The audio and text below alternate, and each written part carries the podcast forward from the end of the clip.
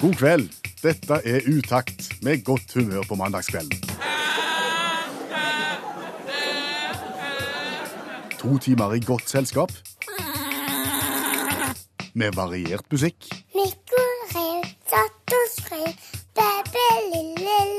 Per Øystein Kvindesland. Og Bjørn Olav Skjæveland. Jeg erklærer herved Radioprogrammet Utakt. for åpnet. Innledningsvis et spørsmål til deg, Skjæveland. Om du har eh, solgt dopapir til inntekt for, for klasse eller idrettslag? Ja, ja. Det har du gjort. Ja da. Eh, Om du har solgt kjeks Ja til, da. til inntekt for, for klasse eller idrettslag? Yes, yes, yes. Har du solgt kort og konvolutter til inntekt for klasse eller Delvis. bare, B både og. bare delvis? Jeg er ikke utsolgt det der, for å si det sånn, så der ligger det noen igjen i en skuff, ja. Så jeg har prøvd, men, men de har ikke solgt helt ut. Litt tungsolgt? Litt tungsolgt. Kjenner litt på det, jeg nå. Ja. For nå er jeg i akkurat samme rolle. Har, har fått eh, ei bunke med sånne kort som skal selges til inntekt for klassetur. For det er jo sånn at har du unger som ikke bare sitter inne i kjelleren, men faktisk går ut og er med på ting, så er de gjerne med på ting som skal finansieres, og da er spørsmålet hvordan skal det finansieres? Jo, vi selger ting. Vi går, vi, vi, vi går rundt på dører i nabolag, og så selger vi ting, og så får vi et visst overskudd av det vi selger. Men hva skal vi selge for noe? Nei, det er jo nettopp det, og der har vel vi satt ned tre punkt som vi syns er vesentlige når du da skal diskutere i lag og organisasjoner hva det er du skal selge. Det ene er jo punktet henting og lagring. Henting og lagring, hva er punkt to? Eh, Det er avanse, Og punkt tre? det er en behovsanalyse. Akkurat. Hvis vi skal plassere noen av de som har snakket om til nå, dopapiret eksempel. Altså, Dopapiret, hvis jeg ikke husker feil, så er det ganske bra avanse på det. Eh, Du tjener gode penger for, for det dopapiret du selger, og det er jo alltid behov for det. Ja. Alle familier i hele verden har jo stort sett behov for dopapir ved et eller annet tidspunkt. Så to av tre kategorier oppfylt her. Hva med henting og lagring? Katastrofe. Ja. Ja. Det tar kolossalt med plass. ja. Jeg, jeg trodde jo jeg hadde store bil. Jeg har jo et bagasjerom under bagasjerommet. Jeg har òg et bagasjerom foran i bilen, og, og jeg kan slå ned setene. Og allikevel så var jeg ikke i nærheten av å få med meg alt det dopapiret jeg skulle ha. Nei, for vi snakker jo da ikke om en sånn der firepack Lambi her. Nei, vi snakker du sånn 48-pakk, og det er jo bare én, sant? Og så skal du gjerne ha mange, mange, mange av disse her. Og jeg lærte jo da at de som har gjort dette før, de kommer med tilhenger. Ja. Så skal det lagres hjemme, så skal det fraktes rundt til de som har kjøpt det, og, og da kan du ikke be poden ta en sånn en pall under armen og gå rundt og levere det. Da må han far kjøre bil. Så dem, okay. Ja. Så, så to av tre, men én katastrofe der. Hva med kjeksen? Den, den skårer egentlig null. Overalt? Ingen avanse? Dårlig avanse. Akkurat. Etter det jeg husker, så var det kjempedårlig avanse på kjeks, og, og han tar faktisk ganske mye plass. er Fordi at det, han kom, i hvert fall den jeg hadde, den kom i sånn to liters isbokslignende greier. sant? Mm, Når du har 30-40 av de, så tar det òg mye plass. Ja. Og hvis du tjener bare noen kroner per eske, så skal du selge ganske mye for å få en hundring. Så Og det er ikke... dermed er han far engasjert med bil igjen. Ja, og, og eh, hvor mange kjenner du som har behov for havreflan? ikke mange. Hva da med kort og konvolutter? Altså, Henting og lagring er jo veldig kjekt. Du henter det i en plastikkpose, og du lagrer det i en plastikkpose. Det er veldig enkelt. Og hvis jeg ikke tar feil, så er det ganske bra avanse på disse kortene. Og behov? Altså, Det er et underkommunisert behov, tror jeg. fordi at det, egentlig så har alle bruk for sånne kort. Ja, det er bursdagskort, og det er konfirmasjonskort, det kan være et bryllupskort. Det er fine kort med konvolutt som, som enkeltvis koster veldig mye å kjøpe i butikk. Ja, og, og, og kort er jo sånn som du tenker på akkurat når du skal gi vekk en presang. Å, jeg skulle hatt et kort. Så sånn sett så er det veldig greit å ha disse kortene, men det er vanskelig å kommunisere at du faktisk skal kjøpe en bunke kort så du ikke har planlagt hva tid du skal bruke ennå. Nettopp. Så de er litt vrine. Ja, ok. Dette fikk oss til å tenke.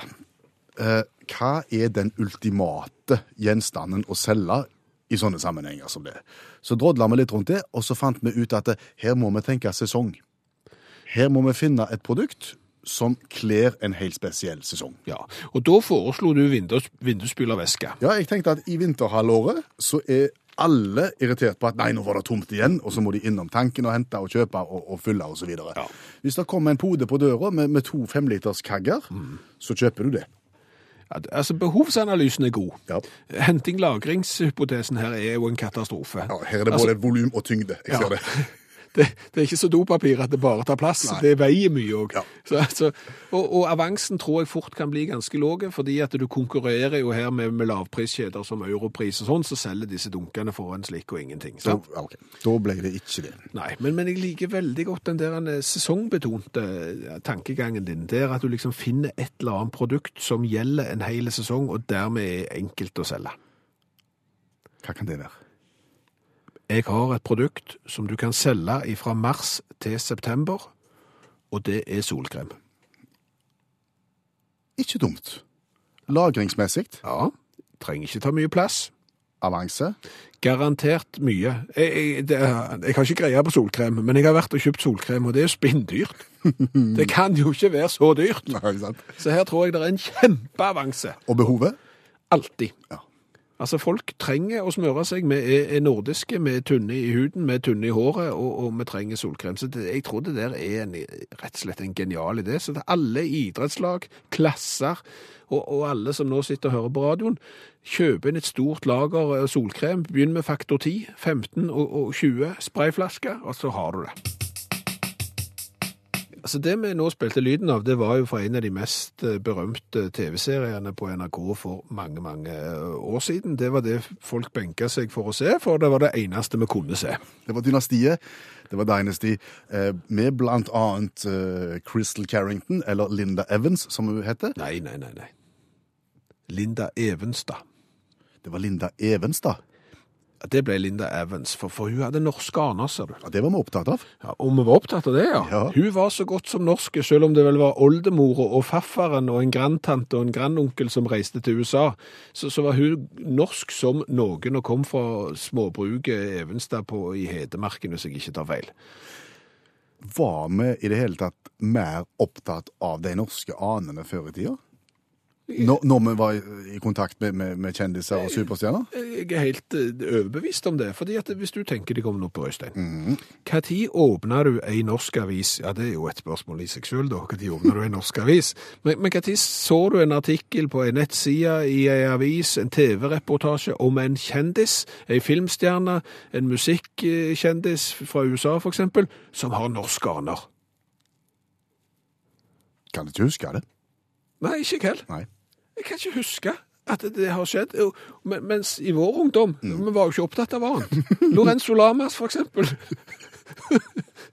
Må ikke glemme Lorenzo Lamas. Nei, han var fra en annen eh, TV-serie. Han Han var stjerna i Falcon Crest. Ja, det, det var litt av det samme som dynastiet, bare en litt eh, annen plass. Og, og han var jo knapt mer eh, norsk enn, ja, hva skal vi si? Altså, han var jo da sønn av eh, argentinske skuespilleren Fernando Lamas, og den norsk-amerikanske skuespilleren Aline Dahl. Altså, han hadde ikke norsk mor engang. Han hadde en norsk-amerikanske mor og en argentinske far, og dermed så var han norsk god som noen, og fikk sikkert lusekofte av Se og Hør flere ganger. Men hadde han røtter på Jyland på noen måte? Jeg tror han var et kvitt hus på Tonstad eller et eller annet sånt. Jeg fikk et bilde av allmennlærer Olav Hove med to vekttall i musikk som snart kom og besøkte oss i studio. og Han mente at det var da redet der Lorenzo Lamas egentlig kom ifra. Og det var vi opptatt av. Det var vi opptatt av. Ja. Og så hadde du Duan Loken. Duan Loken, ja.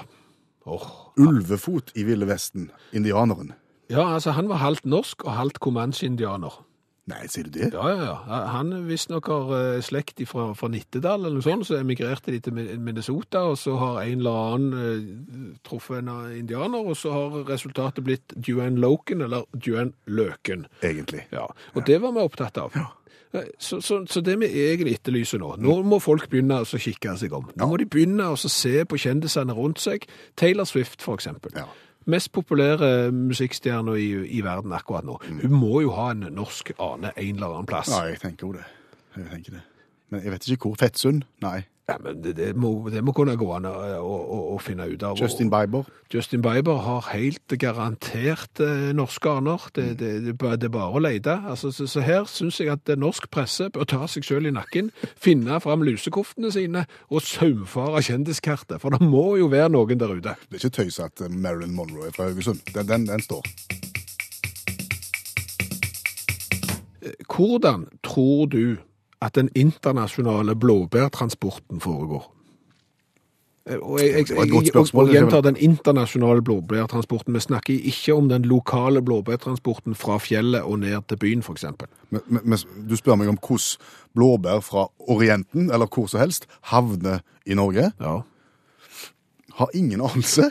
Har du ikke tenkt på det? Nei, ikke så mye. Jeg hadde heller ikke tenkt på det før i helga, og nå har jeg begynt å tenke på det, og nå klarer jeg ikke la være å tenke på noe annet enn hvordan frakter de blåbær.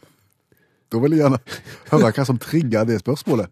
Fordi jeg kjøpte blåbær på torsdag kveld, Ja, eh, og de var fra Chile. akkurat. Og de har jo ikke sumt. Svømt, nei. Nei. Nei. De har jo på et eller annet tidspunkt blitt frakta fra Chile til Norge. Og da begynte jeg å lure på hvordan i all verden har de klart den transporten der. Jeg tenker det er jo ferskvare, så det må jo skje fort, så jeg vil vel kanskje tro at de er flydd. På, på internasjonale blåbærfly. De er jo ikke det. Blueberry Airlines. Nei, vet, nei. Nei, men altså, jeg, jeg har jo ei datter som har vært i, i Sør-Amerika, og jeg har jo sett prisen på den flybilletten. For å si det sånn, du, du frakter ikke blåbær med fly, det er jeg ganske overbevist om. Men jeg vet ikke, men, men jeg tipper at det gjør du ikke. nei. Og da gjenstår jo båt. Mm, og det tar sin tid. Det er, jo, det er jo et stykke. Ja, altså hvis du tenker at de er fra Chile, Ja. så skal det jo enten gjennom Panama-kanalen, eh, eh, og hvis du ikke har råd til å betale for å kjøre gjennom Panama-kanalen, så må du kjøre rundt. Ja, det er kjempelangt. Det er kjempelangt. Ja. Og, og, grunnen til at jeg stiller disse spørsmålene her, er jo fordi at de blåbærene som jeg kjøpte, Ja. de var gode. Ja, jeg tviler ikke på det. Og, og, og de framsto nesten som, som ferske. De var ikke våte, de var akkurat passe tørre. Det var ikke blåbærrester i, i plastkoppen der de lå. De var ikke begynt å gjære, osv. osv. Og så tenkte jeg på de blåbærene som jeg plukker gjerne i fjellet. Ja. Etter ca. tre kvarter etter jeg har plukket de, så er de helt ubrukelige til annet enn syltetøy. Det renner av de, de er våte. Har jeg de i kjøleskapet i mer enn to dager, så begynner de å gjære. Kunne sikkert lagt brennevin av de, for alt jeg vet. Altså, du kan ikke servere de til folk som, som kjører. Og da lurer jeg på, hvordan i all verden har de klart å få de fra Chile inn i butikken min, og så er de kjempegode. Ja, kjempegode er de ikke, men de er gode og relativt ferske, og det er de faktisk den dag i dag. Jeg har litt igjen på en mandag. Da skjønner jeg at det er et godt spørsmål. Ja, Ja. det er et veldig godt spørsmål. Og jeg tror trikset er frysing. Dette har jeg ikke greie på, men jeg antar at eh, når de blir uh, plukt, så blir de lagt kaldt, kjempe, kjempekaldt, frøset ned, og frakta i fryseskip over havene til Norge, til, til Banan-Mathisen eller, eller tilsvarende når de kommer til Norge.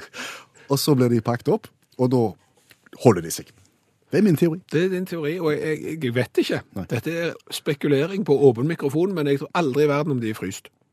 Ja, hvordan forklarer du da at de holder seg? Det er jo Nei, ukevis. det er jo derfor jeg ikke vet hvorfor de holder seg. Hva har de dopt de dopt de med? Ja, er de dopa? Jeg kan godt tenke at de har kjølt de ned, mm. men ikke fryst de. Har, har du spist sånn frosne bær noen gang? Ja. Har du hatt frosne bær i en fryseboks som har slutta å virke? Nei. For å si det sånn, de, de blir mye væske av de. Det renner blåbærsøl og bringebærsøl og graps i hele fryseboksen etter de har begynt å tine. Så det tror jeg ikke. Det kan godt hende at de har blitt kjølt. For eksempel bananer. Tror du de er frosne når de blir frakta? Nei. Nei? Nei. Appelsiner?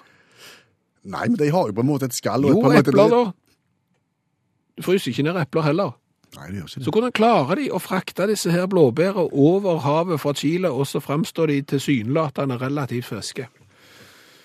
Kjempegodt spørsmål, Skjæveland. Og jeg er sikker på at du som hører på radioprogrammet Utakt akkurat nå, har et svar til oss, og det vil vi gjerne ha. Hvis det nå sitter en foran radiokabinettet sitt, som er med i, i den store internasjonale blåbærfrakten, som har en liten rolle i den internasjonale blåbærfrakten, så gi oss et hint om dette, for dette lurer vi faktisk på. Dette tror jeg det er flere enn bare meg og deg som lurer på. Ja. SMS til 1987, start med utakt, eller svar oss på Facebook-sida vår. Har vi fått svar på blåbærmysteriet?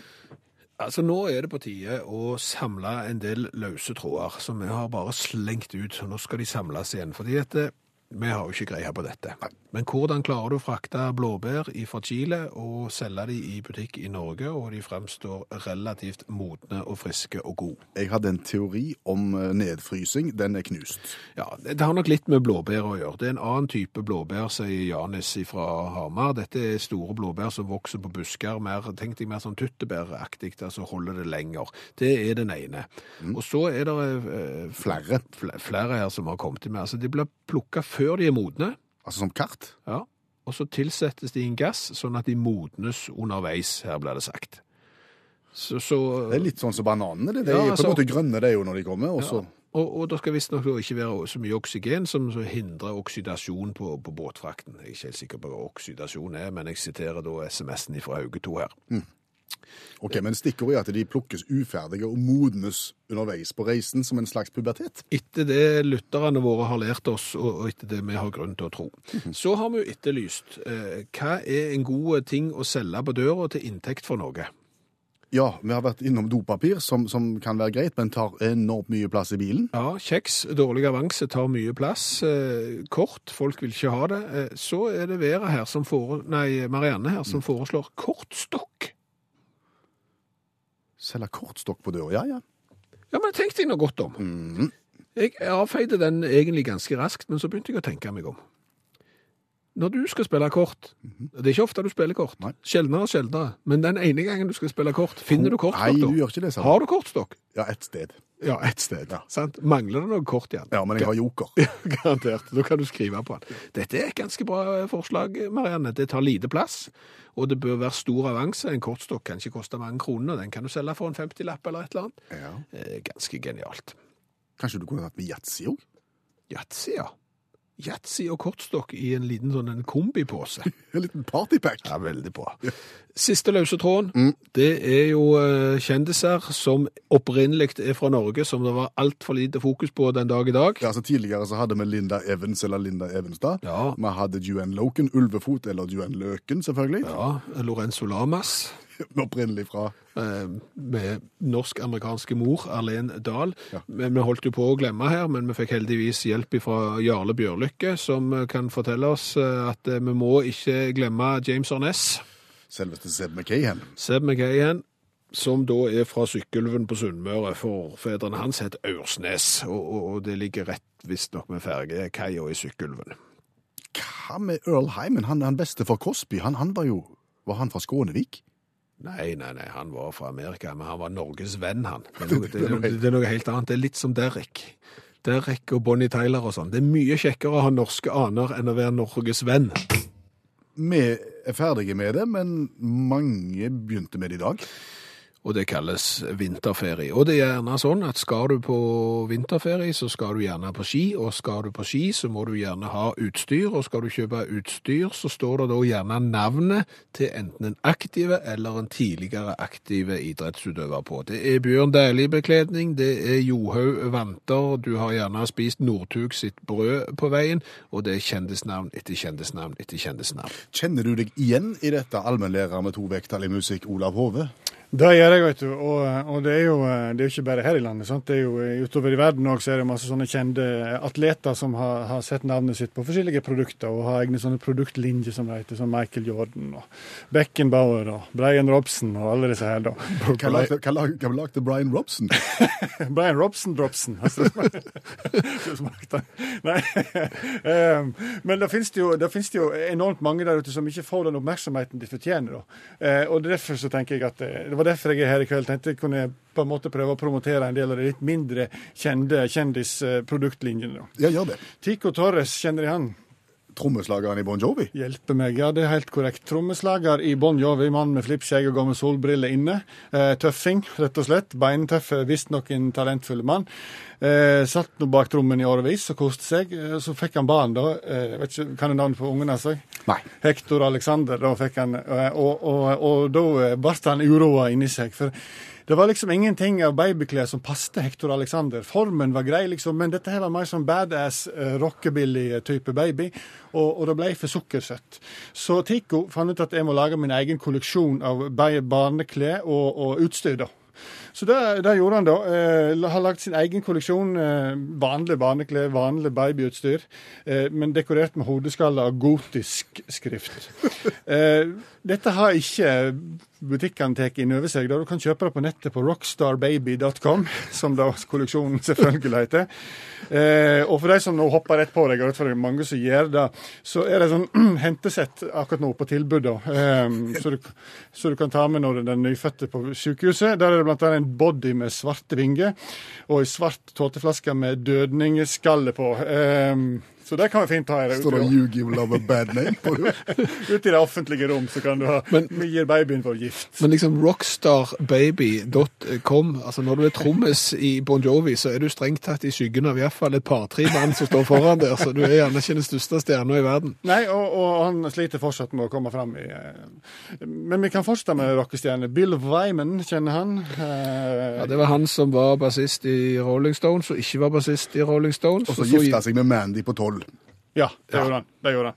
Eh, han er jo litt forbanna har vært lenge, for han mener utviklingen har gått feil vei når det gjelder, når det gjelder metalldetektorer. Eh, he- helt siden eh, helt siden Alexander Graham Bell fant opp metalldetektoren, det vet de kanskje. Eh, han fikk, kom jo litt i skyggen, denne oppfinnelsen der, da. Eh, men han gjorde iallfall det. Og, eh, og, og, og Bill har vært forbanna, for det blir mer og mer avanserte. sant? Det er jo knapper og styr og vas og en og andre, og så er det forskjellige lyder og resonans. Og Bill har røykt ting, han har smakt ting, og han sliter litt med å skille. Ja, men for å si det sånn, Jeg har prøvd sånn en metalldetektor, og jeg skjønte ingenting, jeg heller. Og jeg har ikke røykt ting og smakt ting. Nei, og dermed så kommer Bill Wymans signature eh, metalldetektor. da. Eh, og denne her er ikke avansert, for her har du en på-knapp. Ja, Er ikke det bra? Ja, selvfølgelig innstilling om du er, om du er, om du er innenlands eller på stranda, for det må en jo ha. Eh, Visstnok. Jeg har ikke peiling. Men iallfall, du er på-knapp, og så har du, signal, har du et signal når du finner metall, og så har du et vurderingslys. Eh, det vil si at eh, du, det kommer et lys, et grønt lys hvis det er bra metall du har funnet, og et rødt lys hvis det er dårlig metall. Aner ikke hvordan Bill Wyman har fått til å skilt dette her, men iallfall, eh, dette har han gitt ut eh, og prøver å selge. Og det er ingen som kjøper det. Og det er jo litt dumt, da. Hva prøve- lys får du hvis du finner heavy metall? Jeg aner ikke.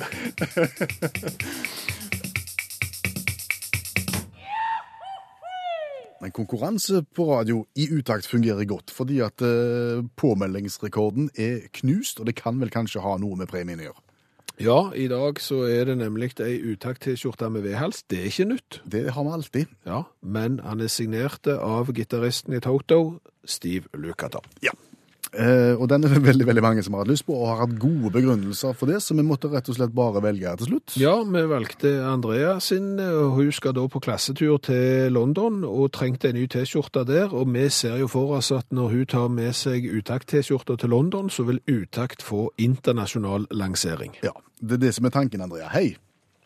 Hei. Hei. Kan vi ha en, bare en sånn innledningsvis en avtale om det, at du, du bruker den i utlandet, sånn at vi får, får oss et utenlandsløft? Det lover jeg, selvfølgelig. Hver dag. Kjempe. Det er veldig bra. Og, og Toto-fan, det er du i hvert fall på fest? Ja, sånn av og til. Ja. Men veldig fan til tider. Godt. Da er vi straks klar for selve konkurransen, men før vi går i gang med den, her er reglementet presentert av dommer Skjæveland. Ja, dommer Skjæveland har ni spørrebøker foran seg. Andrea velger et nummer fra én til ni. Jeg plukker ei spørrebok. Vi finner en vilkårlig side, et vilkårlig spørsmål. Svarer Andrea rett? Så blir det gladjodling i radioen. Svarer hun feil? Så blir det tristjodling, men uansett så skal det ei T-skjorte på tur til London. Ja. Er det forstått, Andrea? Det er forstått. Da turer vi i gang. Ja, da er det bare å velge et tall fra én til ni. Eh, tre. Tre. Da havner du på Quiz-giganten. Utfordringer for alle 3000 spørsmål og svar. Og når det er 3000 spørsmål i en bok, så er det mange sider. Her er det 405. Hvilken side vil du ha? Side nummer 33. Og det er da temaet digg. Digg. Digg, ja. Hva vil det si? Digg, det handler om mat, rett og slett. Så der er det 15 spørsmål. Hvilket skal vi ta? Spørsmål nummer tre. Hva er krokan laget av? Sukker. og og Sukker og eh, for eksempel sånn som du gjerne må fjerne i halsen hvis du er mye syk. mandler. Ja, det Se det. Brunt sukker og mandler, det er da krokan. Og av krokan så kan du lage krokaneis. Det er Ja, faktisk det er ganske sneis. Du, når du skal til London med klassen, hva klasse er det? Eh, Det, det er både første og andre klasse på kunstskolen i Rogaland. På kunstskole, hva skal dere gjøre i- i England da? I London da? Eh, Se på kunst, blant annet. Og my- mye, mye kunst i en god fotballkamp, eksempel. Ja, det får vi se på. Ja, verdt et forsøk. Ja. Uh, Andrea, hva spørrebok skal vi ta nå? Nå er det åtte igjen. Uh, nummer fem. Nummer fem. Da har du trukket den boka som heter Erotisk quiz, 669 pirrende spørsmål. Der får du ikke lov å velge sidetall, fordi at det er så mange spørsmål der som er så utrolig grove, og foreldrene mine hører på dette programmet. Eh, Så derfor så har jeg forhåndsvalgt et spørsmål, og det er som følger. I hvilket land ble verdens første penistransplantasjon utført? Var det i Italia, var det i India, eller var det i Irland?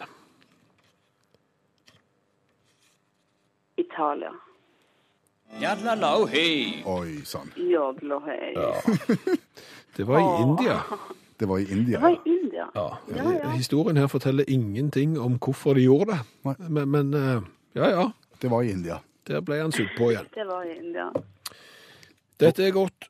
Da har vi én rett og én feil, og ett spørsmål igjen. Syv bøker, vær så god. Eh, da tar jeg den siste boka. Den siste, Barnas egen spørrebok fra 1965. Å nei. Var, var, du, var, du, var du født da? Nei, på ingen måte. Nei, da var ikke påtenkt engang. Nei. Nei. Nei. Men vi kan jo være uheldige eller heldige. Det er 48 sider å velge i, OK. og du velger Eh, nummer sju. Da skal vi se. Vi er da på kategorien fra fantasien og eventyrets verden. 21 spørsmål å velge i, og du tar nummer 20. Og hvor bodde hans fiende, sheriffen? Ja, det, er litt, det er litt urettferdig, for det er et oppfølgerspørsmål til nummer 19. Å ja. Ja, men, så vi tar, vi tar nummer 19 først. Hvor holdt Robin Hood til? I Sherwoodskogen. Ja da. Det er bra. I England, og der skal du. Eh, Og så kom oppfølgerspørsmålet. Og hvor bodde hans fiende, sheriffen? En annen plass. Ja, Ja. men hvor? Altså sheriffen av Sherwoodskogen. Åh. Altså, skal vi hjelpe? Han, han var da Ja, sheriff av ingen skinke. Åh, av ingen skinke. Ja, hva ble det på engelsk? Nottingham. Ja, Det, det er veldig sjelden at, at deltakerne synger med på jodlingen etterpå. Det setter vi veldig pris på, Andrea. Å, så bra. En egen spiss på det. Eh, Men Andrea, hva, hva kunstuttrykk er det du eh, sokner til mest når du går på kunstskolen? Um, ja, jeg holder på med mye forskjellig, egentlig. Nå for tida så framkaller jeg en del bilder i mørkerom, og så tegner jeg på dem. Ok. Du, du må ta oppfordringen nå fra meg og, og lage et eget utaktmotiv så du kan komme ned med i studio til, til oss. Det hadde vi satt veldig pris på, hvis vi kunne fått et eget kunstnerisk uttrykk. Ok, ja, du skal, skal tenke på det. Ta oss og Snakke med medelevene dine, så kanskje vi kan ha en liten installasjon her eller noe. Ja, en, kanskje en performance. Ja, Performance det, det ser vi for oss. Det, da er iallfall ideen sådd. Andrea Flagstad Konradsen, tusen takk for at du var med oss. God tur til London, og bruk T-skjorter med verdighet.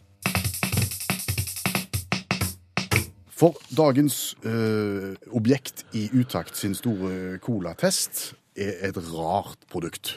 Ja, Vi er litt usikre på om det i det hele tatt er cola. Det heter jo cola. Ja, det heter cola. Altså, det heter Hør her. Det er Betty Ann som har sendt oss denne. Hei, Utakt. Har vært i Peru, og der drikker alle Inca-cola. Den er fryktelig søt og ikke akkurat det vi har lyst på i varmen, men alle drikker det, og til og med til maten. Eh, Så den har vi fått. Ja.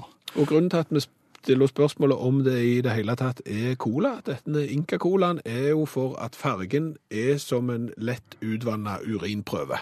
ja, og det er ikke tull engang. Nei. Den ser faktisk sånn ut. Ja. Eh, og den skal vi smake på nå. Den er en del av dette forskningsprosjektet vårt som vi har holdt på med en stund. Vi har smakt på over 50-60 colavarianter fra hele verden. Det er enormt mye forskjellig cola der ute for å, å fortelle deg som skal ut og reise, hvor i verden du får den beste colaen. Ja, og når alle innfødte i Peru drikker Inca-cola, så vil jo gjerne vi fortelle, skal du også drikke Inca-cola hvis du skal til Peru? Og, og dette er jo da en drikk som har sterke historiske røtter. Den går Fortell oss om Inca-colaen, Skjæveland. Den går tilbake til 1935, når den britiske immigranten José Robertson Lindley eh, kom til Peru og, og grunnla denne golden colaen, som han også er blitt kalt, fordi han er gylden. Og, og det er rett og slett sånn at Inca-colaen er og var så populære i Peru at verken cola, Coca-Cola eller Pepsi-Cola klarte å selge mer brus enn det Inca-Cola klarte. Dermed så gjorde Coca-Cola det sånn i 1999. Vet du hva, Lindley, vi blar opp. De kjøpte da 50% av Inca-Cola-selskapet, og skal visstnok ha betalt noe sånt som 300 millioner for dette. Og bestiller du Big Mac i Peru, så får du Inca-Cola til. Ikke vanlige Coca-Cola uten at du spør. Spesielt. Ja. Jeg er egentlig veldig spent på han, for hvis den der, der smaker cola, så trenger ikke cola være svart, for å si det sånn. Nei, da kan han være, eh, Så gyllen han bare vil. da kan han være så urinfarga som han bare vil. Da åpner vi. Ja. Og det vi gjør nå, nå gir vi først karakter fra 1 til 10 på smak, og så skal vi gi litt for designet på flaska etterpå. Det vi kaller kulhetsfaktor. Yes. Vær så god. Det så ikke bedre ut når det kom i glass. Såpass kan jeg si. Det er iallfall gjennomsiktig. Ja. Nå må vi lukte.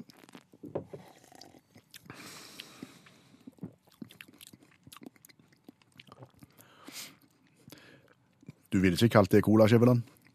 Nei, men du ville ikke kalt det vondt heller. Nei, på ingen måte. Det var, altså Ifølge ryktene her så er liksom dette her en sånn en acquired taste. sant? Altså Enten så er du innvidd og, og liker den, eller så er du uinnvidd og liker den ikke. Jeg likte den, jeg. Jeg syns han var kjempegod, men, men kan vi kalle han cola? Da kunne du jo meldt solo på i konkurransen. Jo, men altså, nå har jeg lest. Jeg har prøvd. Er Inca Cola cola? Jeg har søkt på internett og sånn. Og peru, peruvianerne kaller dette for cola. Eh, Det skal visstnok være koffein i den òg. Har iallfall vært. Sånn at de definerer dette som cola. Og hvem er vi? Hvem er vi som skal sitte her i Norges rikeste land og fortelle de i Peru at colaen deres ikke er cola? Nei, nei, nei, det går ikke. Det går ikke. det, blir, det blir ikke riktig. Nei. Nei. Så Inca Cola er cola, God som noen. Gul som noen. Gul som noen, og god. Smakmessig helt, helt, helt OK. Helt på nivå med norsk champagnebrus, faktisk. Ja, faktisk. Det var det han, det det smakte best. Ja, egentlig. Eh, Ja, det- det, er ikke lett. Nei, men jeg gir han en sekser i smak. Ja. Jeg, jeg, som, eh, som champagnebrus så smakte han bra til å være cola. Og dermed så får han fem av meg, seks av deg. Og hvor kult er dette? Altså, Jeg syns det er kult. ja, det er, jo, det er jo så annerledes. Det ligner ikke på noen ting. Altså, Du må beskrive flaska. Det, det er en halvliterflaske. Den er gjennomsiktig, men den har jo dette her eh, gule innholdet som ser ut som noe annet. Ja, Den har urinprøvefargen, og, og har jo Inca-cola skrevet på seg med at du føler at det er litt sånn eh, søramerikansk indiansk over skriften. Du ser nesten for deg at det skal komme en Inca Ja. eh, hoppende ned fra, fra pyramiden sin etter å ha ofra noe som vi ikke vet hva er. Ganske tøft å bli observert stående på et gatekjøkken med en Inca Cola i hånda. Ja, det vil jeg absolutt si. Så den eh, får sju av meg. Ja, da tror jeg vi skal si det samme, faktisk. 14 pluss eh, 11 blir 25. Mm, hvor plasserer Inca Colaen seg da i forhold til de andre? da? Den plasserer seg helt oppe med den amerikanske Dublin, Dublin Vintage Cola og den greske Lux Colaen. Altså litt under toppen, men ja, eh, over midten. Ja, ja, ja. Den er, det er ikke verst det til å være champagnebrus. Hvis du har lyst å se hele oversikten over alt vi har smakt, og se bilder av alle flaskene, så må du gå inn på vår Facebook-side. Der ligger det Complete Story. Hva farge tror du hvis du drikker mye av dette gule, mm. hva farge tror du kommer ut da?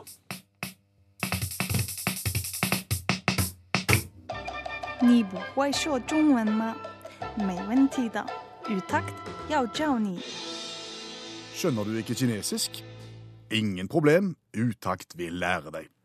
Ja, for kineserne har vi jo lært nå. Etter hvert har en egen evne til å sette sammen ord og få de til å bety nye ting. Overført betydning på kinesisk, bokstavelig talt. Heldigvis så har vi med oss Kjersti Hetland. Det var hun som snakket på vignetten her, og det er hun som behersker kinesisk av oss.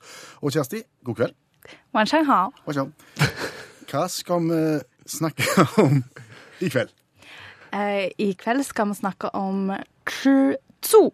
Ta den en gang til. Kjutsu. OK. Og det betyr å ete eddik. Så i kveld skal vi snakke om å ete eddik. Ja, så, så, ikke drikke engang, men altså spise eddik. Ja, du sier det. Du, du bruker ordet ete når du snakker om eh, For eksempel du sier ni chu tuma. Um, ehm, vil du ha eddik? Men hvis jeg hadde sagt ni chu tsulama, da hadde jeg spurt deg om du er sjalu. Ok, Så Ja. her har vi en slags kobling mellom eddik og, og, og sjalusi. Ja, for det å ete eddik kan òg bety å være sjalu. Her er det en forklaring. Ja. Eh, da skal vi helt tilbake til Tang-dynastiet, altså fra ca. 618 til 907 Er eh, før eller etter Kristus, da? etter Kristus. Etter Kristus. Tang-dynastiet er jo faktisk det nest beste dynastiet etter dynastiet som gikk på TV. Det er jo det beste dynastiet. Nå, må ikke du ødelegge. Nei, men vi skal til Vi skal til Tang-dynastiet. Tang-dynastiet, for dette, da eh, var det en eh, ganske populær statsminister, og keiseren eh, ville premiere han, så han ga han ei konkubine, eller elskerinne, altså ei flotte dame som kunne være denne statsministerens elskerinne. Men dette likte jo ikke kona til statsministeren. Ja, det forstår vi. Så hun sa at eh, hun ville heller drikke gift enn at mannen skulle være med ei annen dame. Og dette syns keiseren eh, egentlig var ganske rørende. At eh, kona eh, var så glad i statsministeren og var så modig. Så han skifta ut gifta med eddik, og så drakk hun eddik istedenfor gift, og hun overlevde. Så derav koblingen mellom eddik og sjalusi.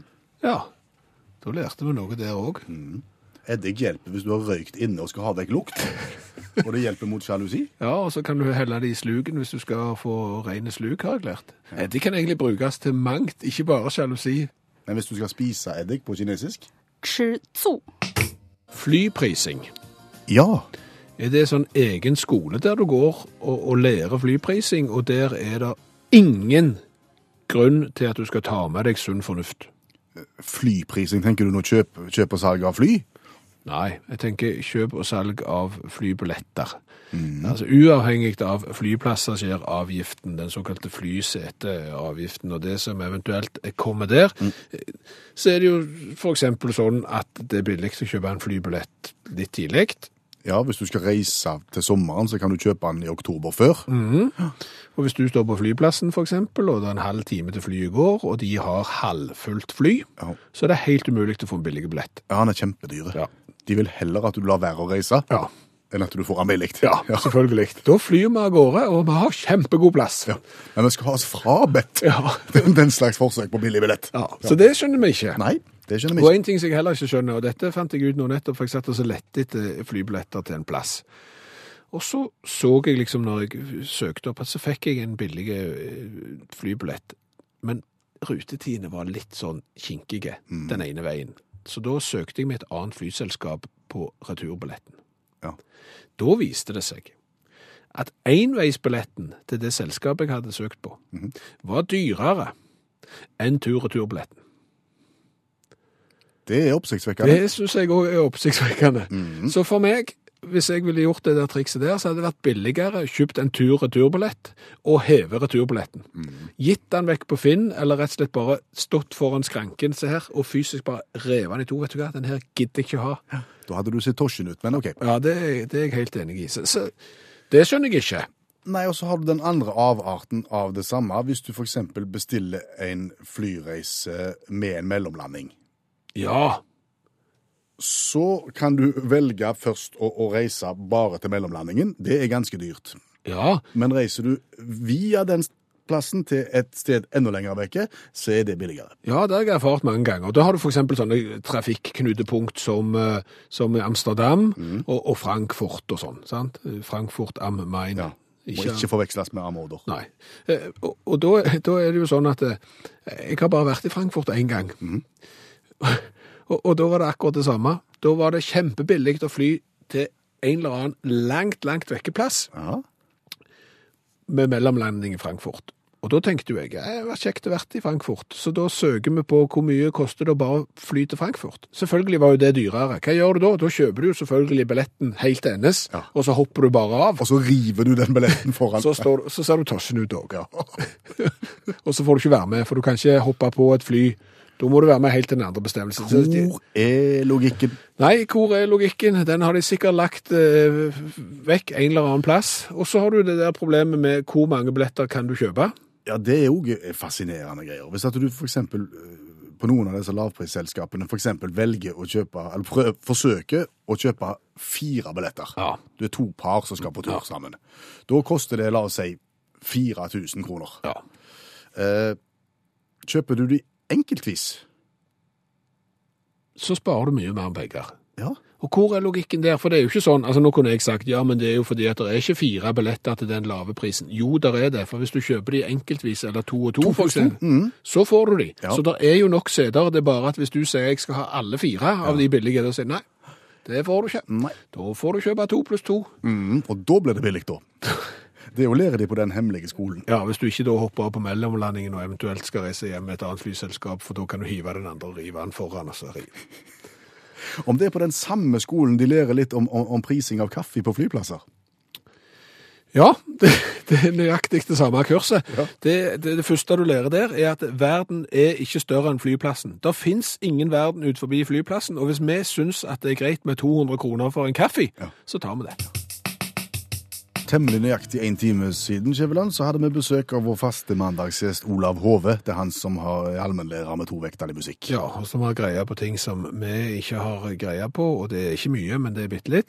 eh, og det er jo blant annet kjendiser som har satt navnet sitt på produkt som ikke nødvendigvis ble noen stor suksess. Bill Wyman, tidligere Rolling Stones-bassist eksempel, eh, lagde metallsøker, og den tok ikke av, for å si det sånn. Barneklærkolleksjonen til Tico Torres, trommeslageren i Bon Jovi, ikke noen spesielt stor hit det heller. Nei, men så er det jo mange kjendiser som har hatt gode ideer. Ja, utrolig mange kjendiser har hatt gode ideer, tatt patent på noen av, de, av ideene, men har likevel ikke opplevd suksess, Hove.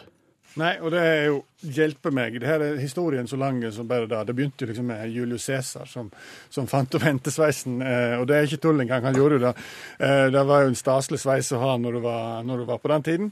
Eh, først, Han begynte jo med laurbærkrans for kraniet, som skulle skjule skallet hode, og så gikk han over til til hentesveis. da. Og så gikk det slag i slag. Einstein kjenner vi godt til. Albert Einstein han fant jo opp, eh, som de kanskje vet, den justerbare blusen. Eh, Hæ? Ja, det, det, det, det er jo dumt for Einstein. Han er jo kjent for en teori som ingen skjønner en døyt av. Men den justerbare blusen det er det ingen som snakker om. Det er knappeløs eh, bluse, da, som er Du kan si at det er en armløs bluse, da, uten knapper, men så er det drapert rundt livet, kan du si. Og der er det masse knapper, sånn at du kan justere alt etter hvor stort matinntaket. Hadde visstnok noen kone som svulma lett opp, eh, Albert, og dermed så lagde han det her. Søkte om patent. Jeg har patentsøknaden framfor meg her, og, men, men ble aldri den helt store suksessen, da. Alt er relativt. Ja, det er jo sant, da. Det er jo sant da. Men så har det gått videre. Marlon Brando han eh, ble jo kjent for bongotrommestemmeren sin. Han uh, har visst irriterte seg grenseløst over at det var så dyrt å stemme bongotromme. Uh, akkurat det vet jeg litt lite om. Jeg, jeg aner ikke hva det koster nå. Altså, jeg, hadde du spurt meg for fem år siden, så hadde jeg visst det, men, men akkurat nå, den dag i dag, hva koster det egentlig? Nei, For? det er fire år på universitetet, så det er klart du skal ha litt penger. Det er ikke mange som har bongotromme. Men han fant på en, en duppeditt som visstnok blir brukt eh, å gjøre lommeboka tjukkere for hele den bongotrommiske verden. Da. Eh, Marlon Brando har faktisk eh, funnet opp flere ting. Han har funnet opp eh, friksjonsbadesko, som gjør at eh, trening for pensjonister i basseng er mer effektivt. Eh, så han har jo vært sterk. Jamie Lee Curtis fant jo opp eh, våtserviettbleien, eh, og det skulle jeg og den ble ikke noen salgssuksess, det skulle jeg tenkt meg. Altså vanlig bleie med innsydd våtserviett. Så hvis du må skifte på babyen i, ute i skogen og ikke mer i deg våtservietter, så er det en innebygd da. Slo ikke an, kanskje fordi det var Jamie Lee Curtis som kom med ideen, da. Eh, Paul Abdul, kjenner til henne. Ja, danseren. Ja, søkte, om, eh, søkte om patent for sin Dynamic Microphone Stand. Um, det var litt sånn for at hun følte hun begynte å bli gammel, ikke sant? og, og har veldig, veldig utagerende sceneopptreden. Mye dansing og veiving og sånne ting. Og følte at dette her det gikk utover hennes vokale prestasjoner. Og ikke det at de var så imponerende i utgangspunktet, men det ble enda verre, mener jeg. Og hun ble jo ikke yngre, ikke sant. Så dermed så utvikla hun et sånn mikrofonstativ som du kan Du tar en ball, en ball, unnskyld, deler i to. Og så har et mikrofonstativ oppå der. Så står hun da på ballen og, og synger, mens hun da veiver att og fram. Skjønner du dette her? Det er en slags en balanseball med, med altså, stativ, ja. Med stativ, ja. En slags eh, mikrofonstativ Segway. Og da synger hun visst bedre. Um, Men du ser mye dummere ut. ja, av så. og en eller annen grunn så er det ingen som kjøper den. Eh, men hun har brukt den, da. Finnes bilder på internettet, da. Rett og slett. da. Og når vi først er på musikk, Dian Dublin, kjenner du til han? Fotballspilleren? Ja. Ja. Tanksenter. Spilte til og med på Manchester United. Mest kjent på Coventry. Ble toppskårer i Premier League. Har opp, eh, han har funnet opp et instrument, et musikkinstrument, the jube. Og det er litt fascinerende, for the jube, eh, det er, det er en kasse, altså. Som du skal slå på, og da kommer det ut lyd. Det er visst voldsomt bra. Og det interessante er at jeg har en dube-opplevelse. For jeg setter meg en gang Jeg fikk kjeft for jeg satte meg på en dube en gang eh, i Liverpool. Jeg trodde det var en puff, men det var var en tromme til 3000 kroner. Det er en Dublin har utvikla det her, og det er en kasse som du skal slå på. Det, og Det er fire hjørner, og så er det nummerert. Det finnes i haug med størrelser. Og du har forskjellige typer som eh, the white dube, the black dube, og så har du naturtre-dube. Eh, Dette hadde han med seg til Brasil nå under VM. Han hadde en, eh, han hadde en jobb eh, som ute, utegående reporter for BBC 5. og da hadde han med seg duben, for han håpet det kunne bli den nye vuvuzelaen. Det ble ikke den nye vuvuzelaen, for folk vil ikke ha med seg kvadratiske kasser på 12 kilo på fotballkamp, viste det seg. Men han har stor tro på han, altså. Så han mener at dette her kan bli den nye, bland, nye bongotromma, og det er mer som en blanding mellom bongotromma og, og stildrøm. Men for meg så er det en kasse, for meg så er det en puff, Dion Dublin, men godt forsøkt likevel. Kanskje han kobler seg på, på Marlon Brando hvis han skulle få stemt greiene? Kanskje litt seint å koble seg på Marlon Brando, men Det var godt Marlon Brando ikke satte seg på den der duben, ja, for han veide vel 350 kilo før- til slutt. Utakt leser høyt fra boka 'Norges morsomste vitser'. De beste vitsene fra NM i humor. Reine kunst. To bråkjekke og selvsikre studenter fra lærerskolen i Levanger reiste med toget fra Levanger til Steinkjer. Foruten de to studentene var det bare en eh, vadmelskledd og traust bonde fra Ogndal i vogna. De to ungdommene ville ha det litt moro med han som satt der og tvinna på hatten sin, og den ene sa Hei du, eh, hvor mange er med i vogna her nå?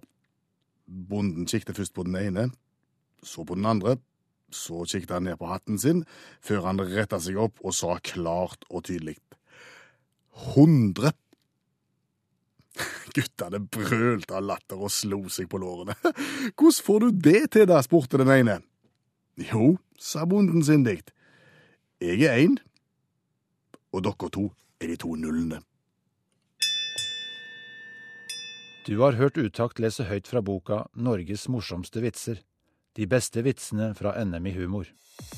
Hør flere podkaster på nrk.no podkast.